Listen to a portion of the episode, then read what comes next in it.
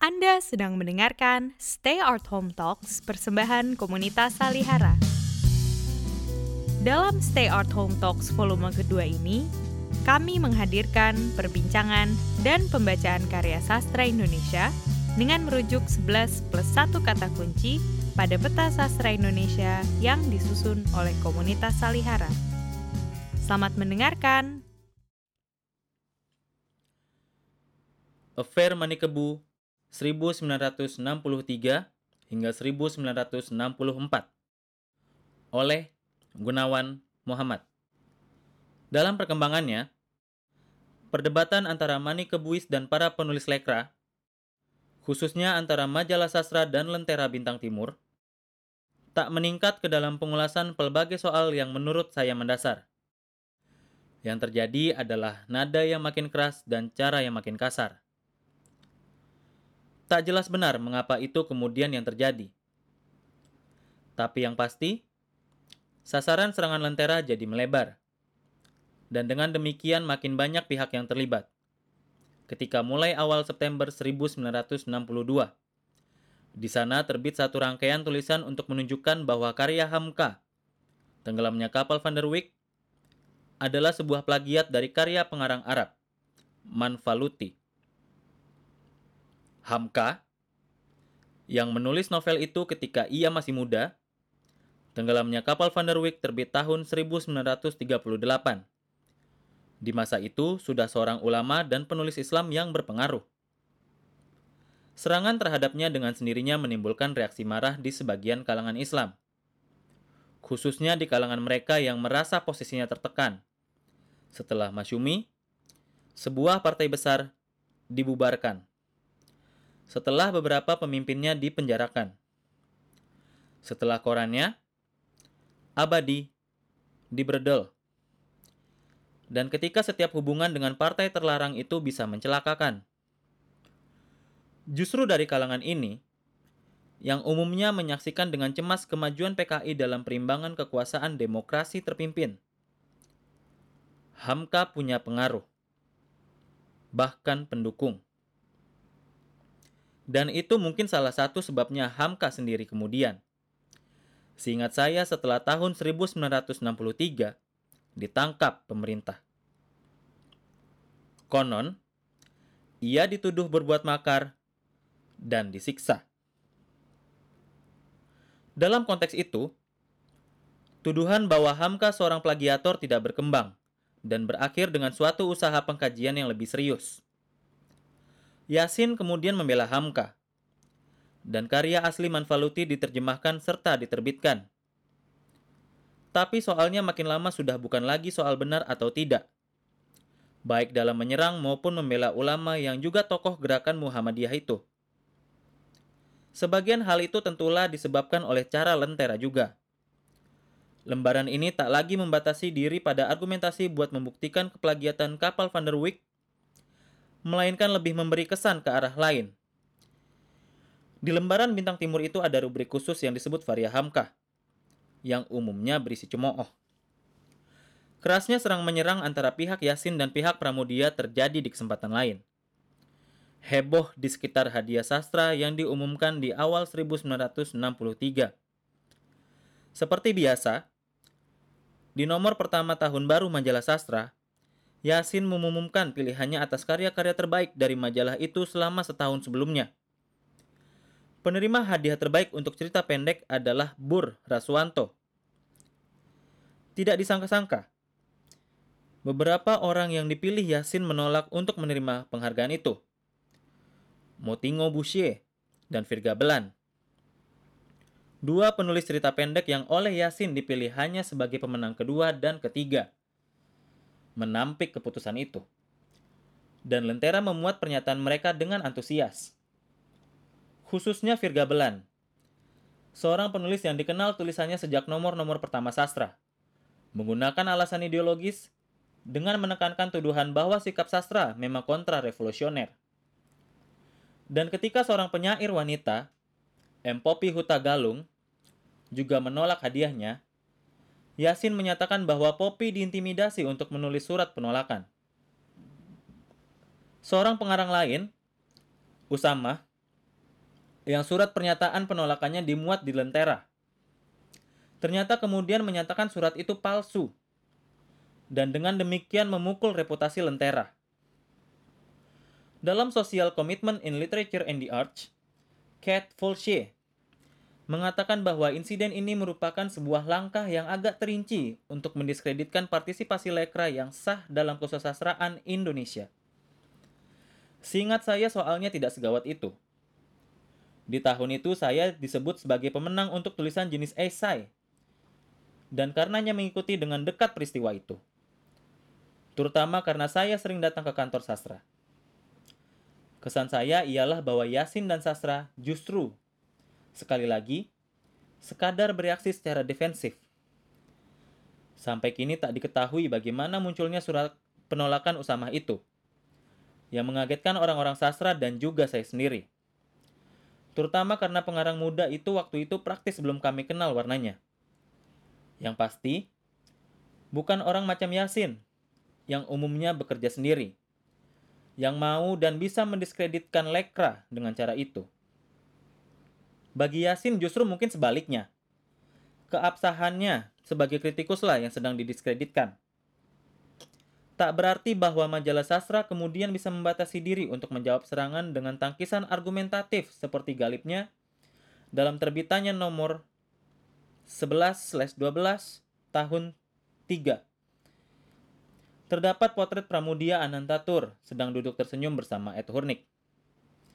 Seorang tokoh stikusa lembaga kerjasama kebudayaan Belanda yang oleh kalangan lekra sendiri dikecam sebagai penerus politik kolonialisme. Yang hendak dicapai sastra dengan cara kasar ini adalah bagaimana mendiskreditkan Pramudia, walaupun foto itu sebenarnya tak dengan sendirinya mengesankan Pramudia sebagai orang yang pro stikusa. Tapi semua itu menunjukkan bagaimana mutu ingar-bingar kesusastraan waktu itu akhirnya. Satu-satunya soal yang lebih berisi dalam keberisikan yang panjang itu adalah mengenai suatu istilah yang sampai kini tetap disebut dan tetap disalah mengerti. Humanisme universal. Pemirsa, baru saja kita mendengarkan pembacaan petikan esai Affair Manikebu 1963-1964 karya Gunawan Muhammad. Selanjutnya, kita akan berbincang-bincang tentang situasi kesusastraan di Indonesia kesenian pada umumnya sepanjang dasawarsa 1950 sampai 1960. Ketika terjadi polarisasi antara seniman yang berhaluan kiri dan yang berhaluan kanan, antara yang bekerja dengan pedoman realisme sosialis dan humanisme universal, antara para pendukung lembaga kebudayaan rakyat atau lekra dengan penanda tangan manifest kebudayaan atau manikebu antara pihak Pramudia dan pihak Yasin.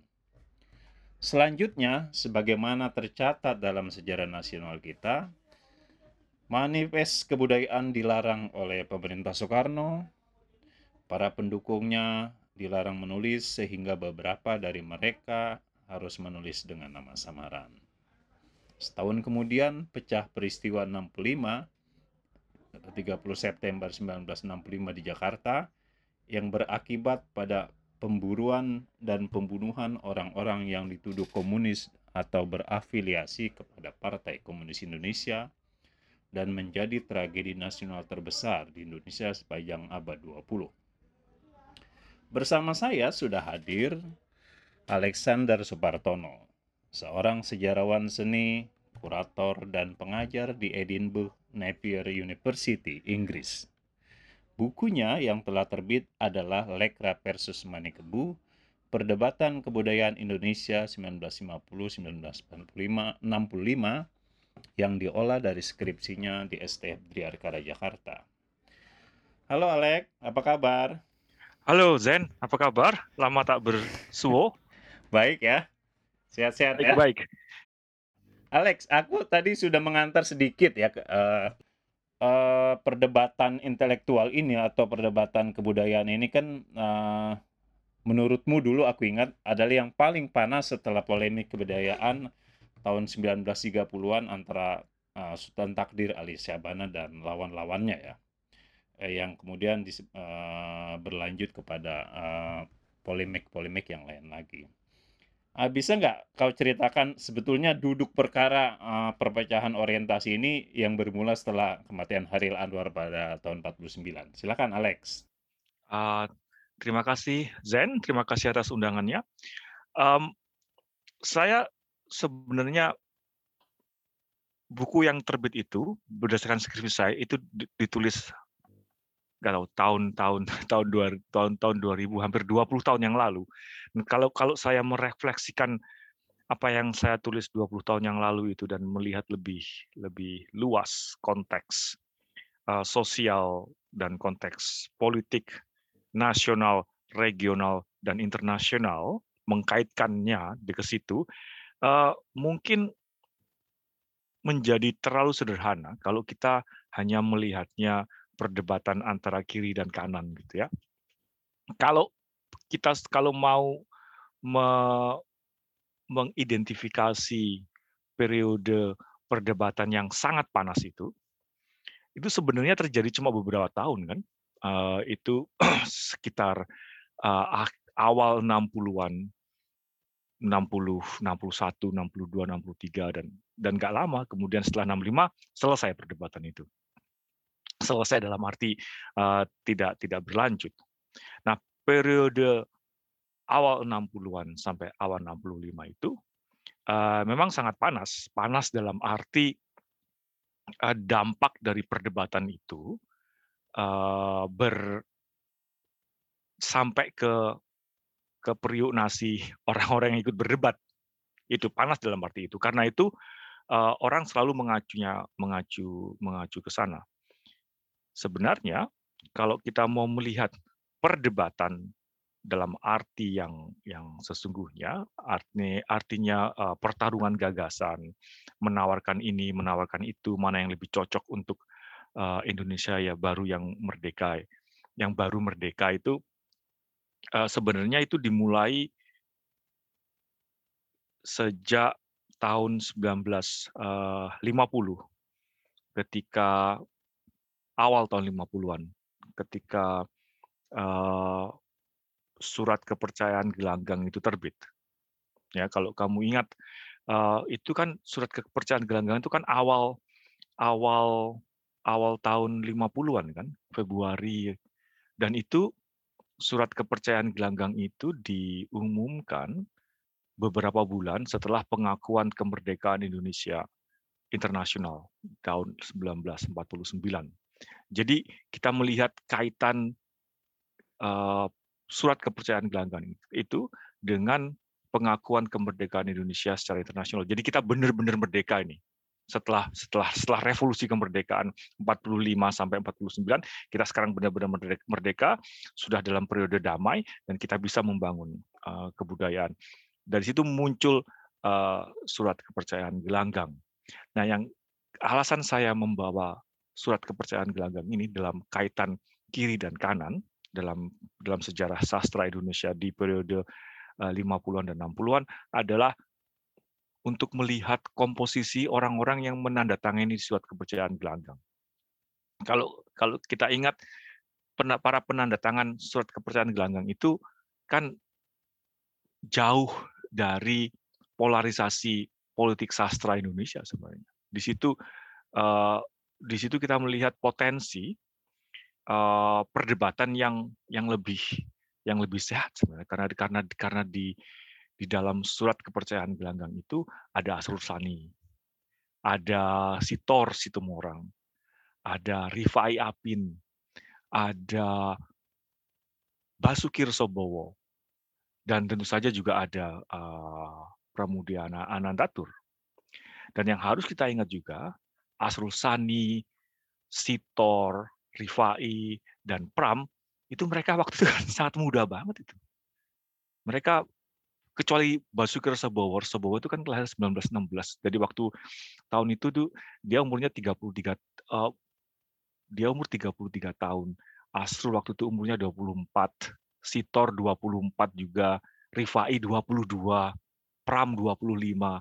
Jadi itu kan semangat kebayang nggak sih umur segituan terus negara lu baru merdeka itu kan semangat untuk membangun itu uh, sangat besar.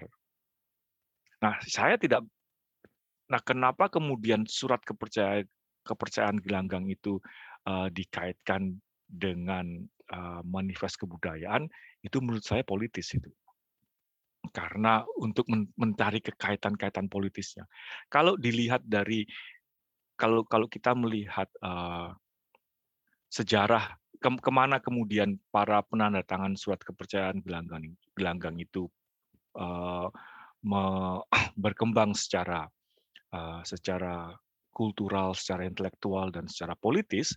Nah dari situ kita bisa mencari jawaban akar dari perdebatan politik kebudayaan. Asrul kemudian kan ke Les Bumi, terus Isitor ke LKN, uh, eh, Rifai ke tentu saja ke Lekra. Dan yang menarik dalam konteks ini adalah Pram sebenarnya. Pram sebenarnya cukup bebas dalam tanda petik sampai tahun sampai sampai akhir 50-an ketika ketika politiknya itu semakin memanas, Pram berada dalam situasi di mana dia harus harus memperjelas uh, posisi politiknya.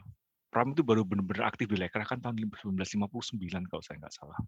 Ketika pada saat sama Lekra me, me, mengumumkan uh, pedoman 151 itu ya dengan dengan politik sebagai panglima melaksanakan lima kombinasi dengan metode turun ke bawah itu itu sebagai salah satu indikator ketika uh, ketika politik itu terlalu ketika dialog antara kebudayaan dan politik itu didominasi oleh sisi sisi politiknya. Beberapa analisa itu menunjukkan pedoman 151-nya Lekra itu kan sangat sangat sangat dekat dengan uh, dengan dengan revolusi kebudayaan yang di Cina sangat dekat dengan Mao daripada ke pikiran-pikirannya Lenin gitu. Itu pada saat yang sama PKI juga semakin mendekat ke Partai Komunis Tiongkok ini adalah perdebatan politik yang mengambil alih wilayah kebudayaan ya. Jadi sebetulnya uh, apa yang bisa kita uh, uh, pegang uh, poinnya apa sebut selain uh, bukan soal kalau dalam perdebatannya takdir Alisabana kan kelihatan tuh arah arah kebudayaan Indonesia yang kelak akan merdeka kita mau ke timur atau ke barat atau sintesa antara timur dan barat. Nah, dalam uh, perdebatan tahun 60 ini apa yang menjadi fokus kalau boleh Alex uh, jelaskan? Menurut saya menjadi fokus itu bagaimana memposisikan masa, bagaimana kita melihat uh, melihat bagaimana seniman, sastrawan itu memposisikan dan melihat uh, masa rakyat, di mana rakyat itu dan bagaimana uh, fungsi seniman, sastrawan dan pekerja budaya dalam uh, dalam proses ini. Kan uh, posisinya posisinya Lekra misalnya itu kan revolusi belum selesai. Artinya revolusi belum selesai itu benar berarti rakyat belum menang. Berarti uh, berarti uh, struktur sosial dan struktur struktur politik yang ada di Indonesia setelah pengakuan kemerdekaan internasional tahun 49 itu tidak mencerminkan apa yang dicita-citakan oleh revolusi Agustus 1945. Perdebatannya di situ sebenarnya menurut saya uh, Lekra sebagai kekuatan yang dominan ingin mendorong ke situ. Orienta orientasinya tentu saja adalah uh, realisme sosialis Nah, ini penting uh, untuk kita lihat lebih lebih detail. Kita perlu membedakan dua hal antara social realism, realisme sosial, dan uh, dan sosialis realism, realisme sosialis. Kalau social realism, realisme sosial itu kan uh, semacam uh, itu kan realisme sebagai style, dan sebagai uh, yang mempunyai tendensi progresif. Itu disebut social realism.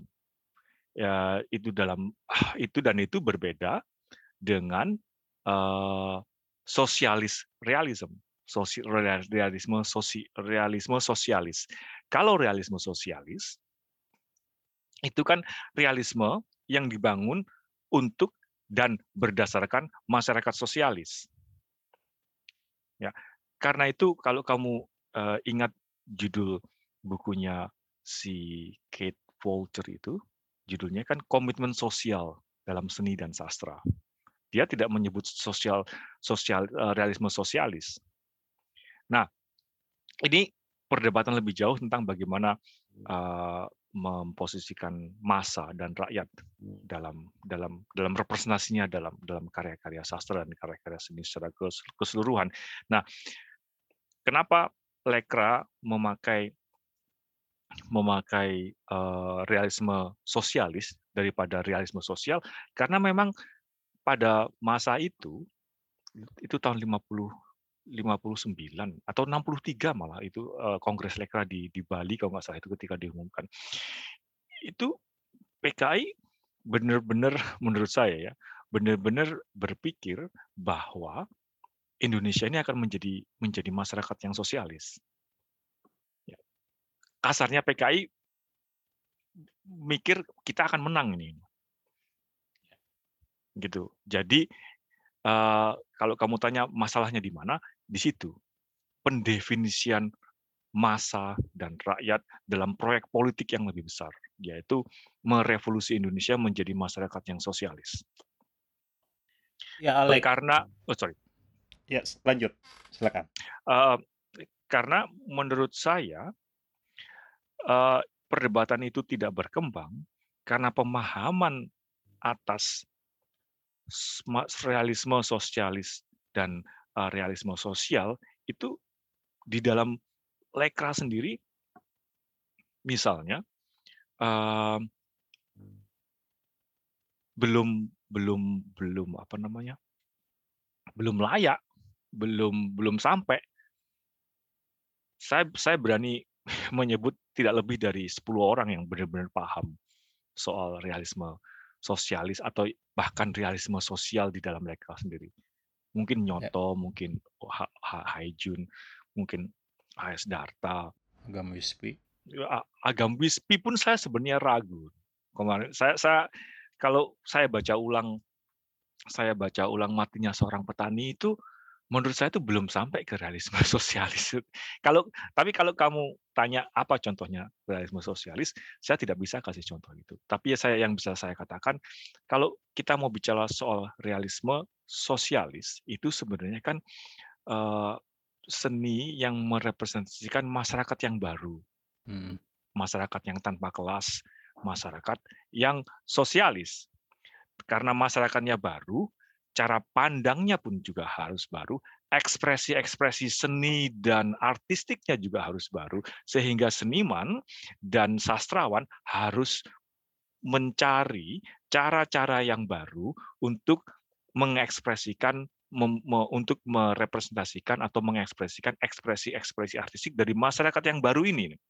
Dan ya. saya yakin perdebatannya itu belum sampai ke sana bahkan di dalam lekra, lekra, lekra itu sendiri. Saya bisa mengasih ngasih contoh dari medium yang lain, dari fotografi misalnya.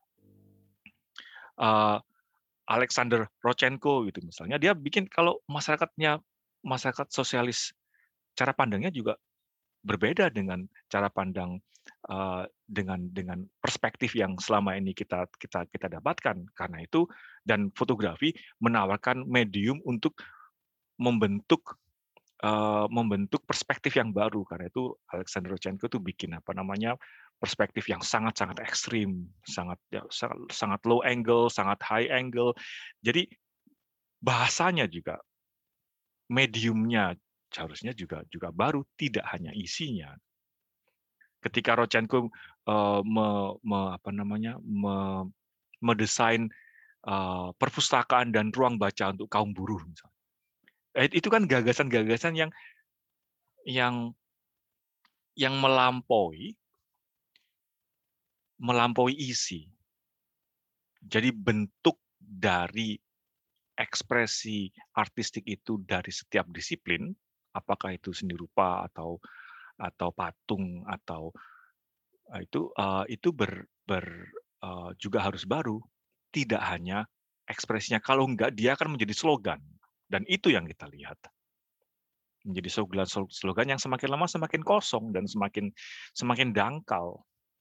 Dan seperti kita lihat bagaimana karya-karyanya Pram ketika dia semakin aktif di dalam Lekra, karya-karyanya Utuis ketika semakin aktif, karya-karyanya Air Bandoro ketika semakin aktif di dalam Lekra.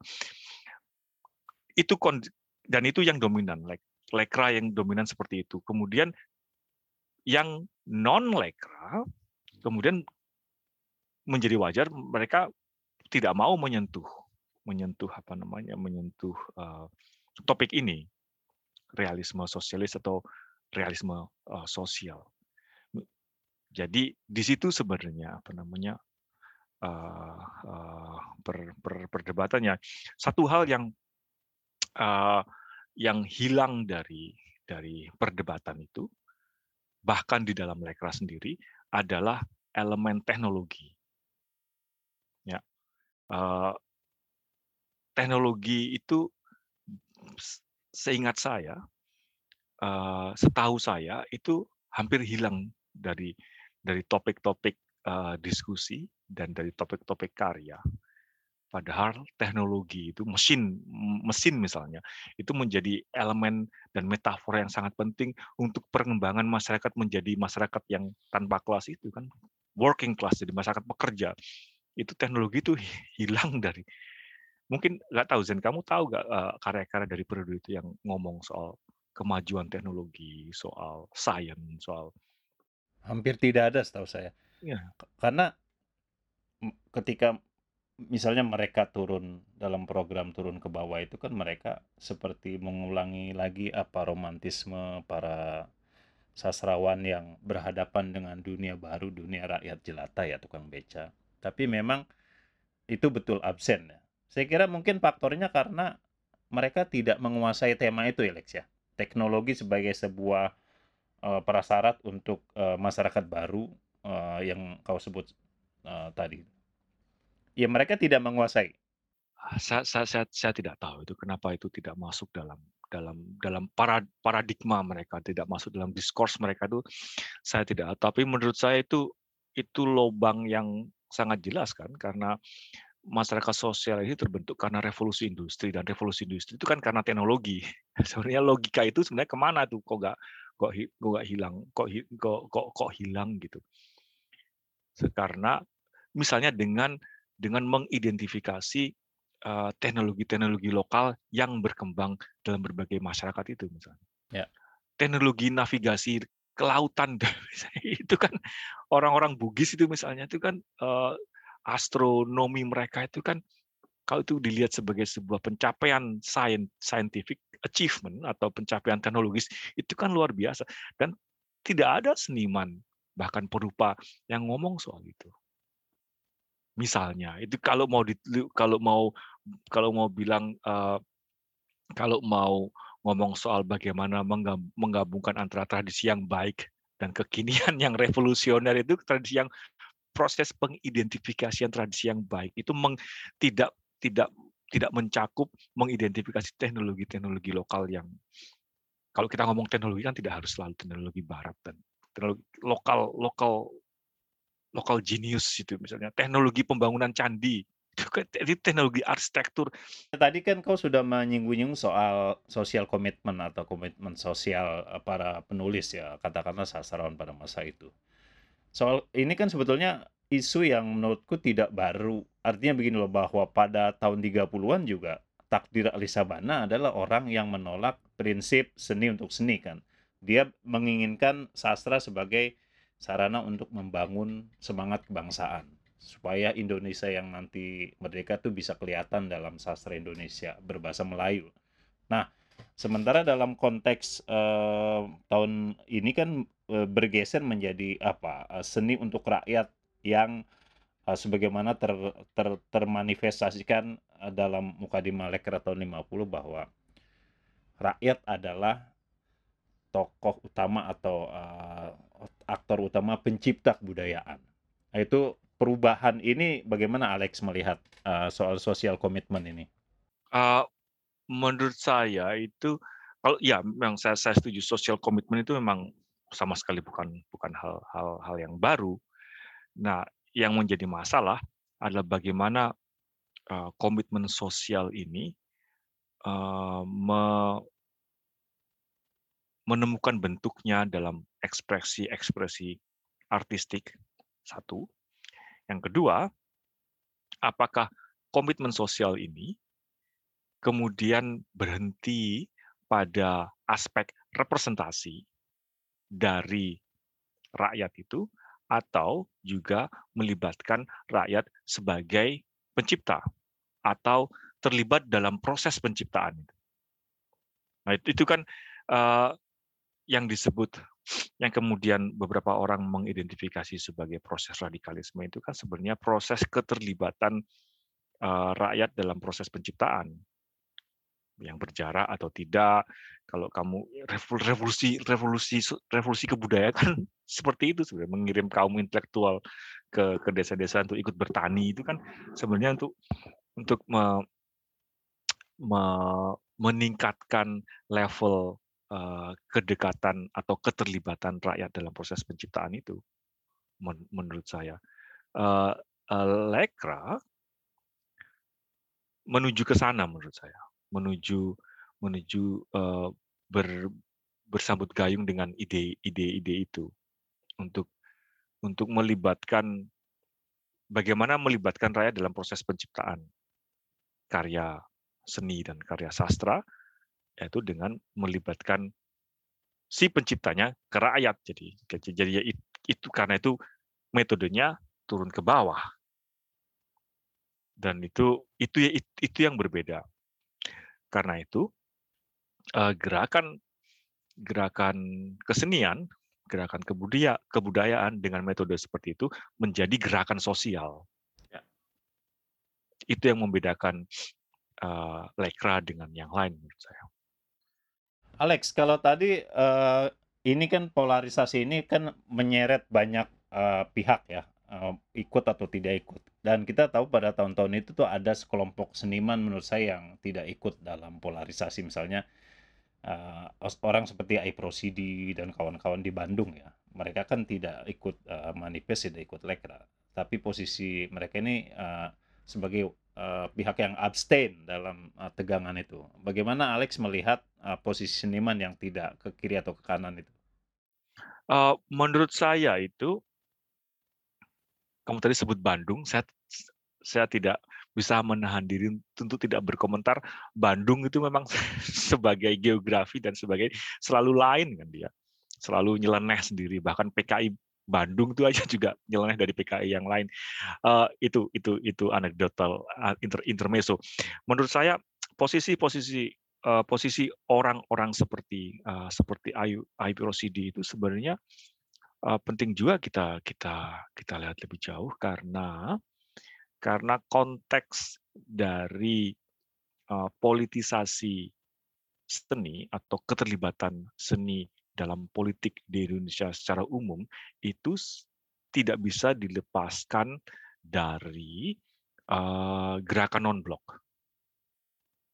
Ya, jadi posisi netral antara Barat dan Timur antara Amerika dan dan dan Soviet Union.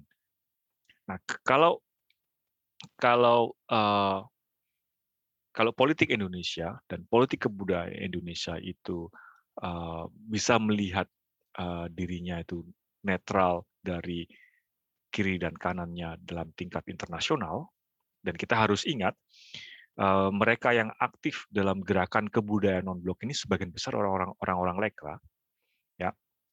Itu nah kenapa kita tidak bisa melihat uh, posisi orang seperti Ai Prosidi dan kawan-kawan itu itu dalam konteks ini uh, saya tidak tidak tahu persis kenapa seperti itu tapi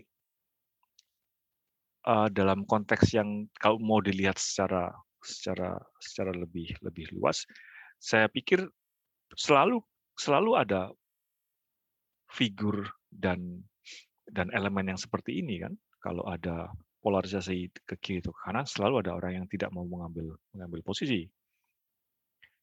Walaupun demikian walaupun begitu harus dicek juga sebenarnya kan Zen.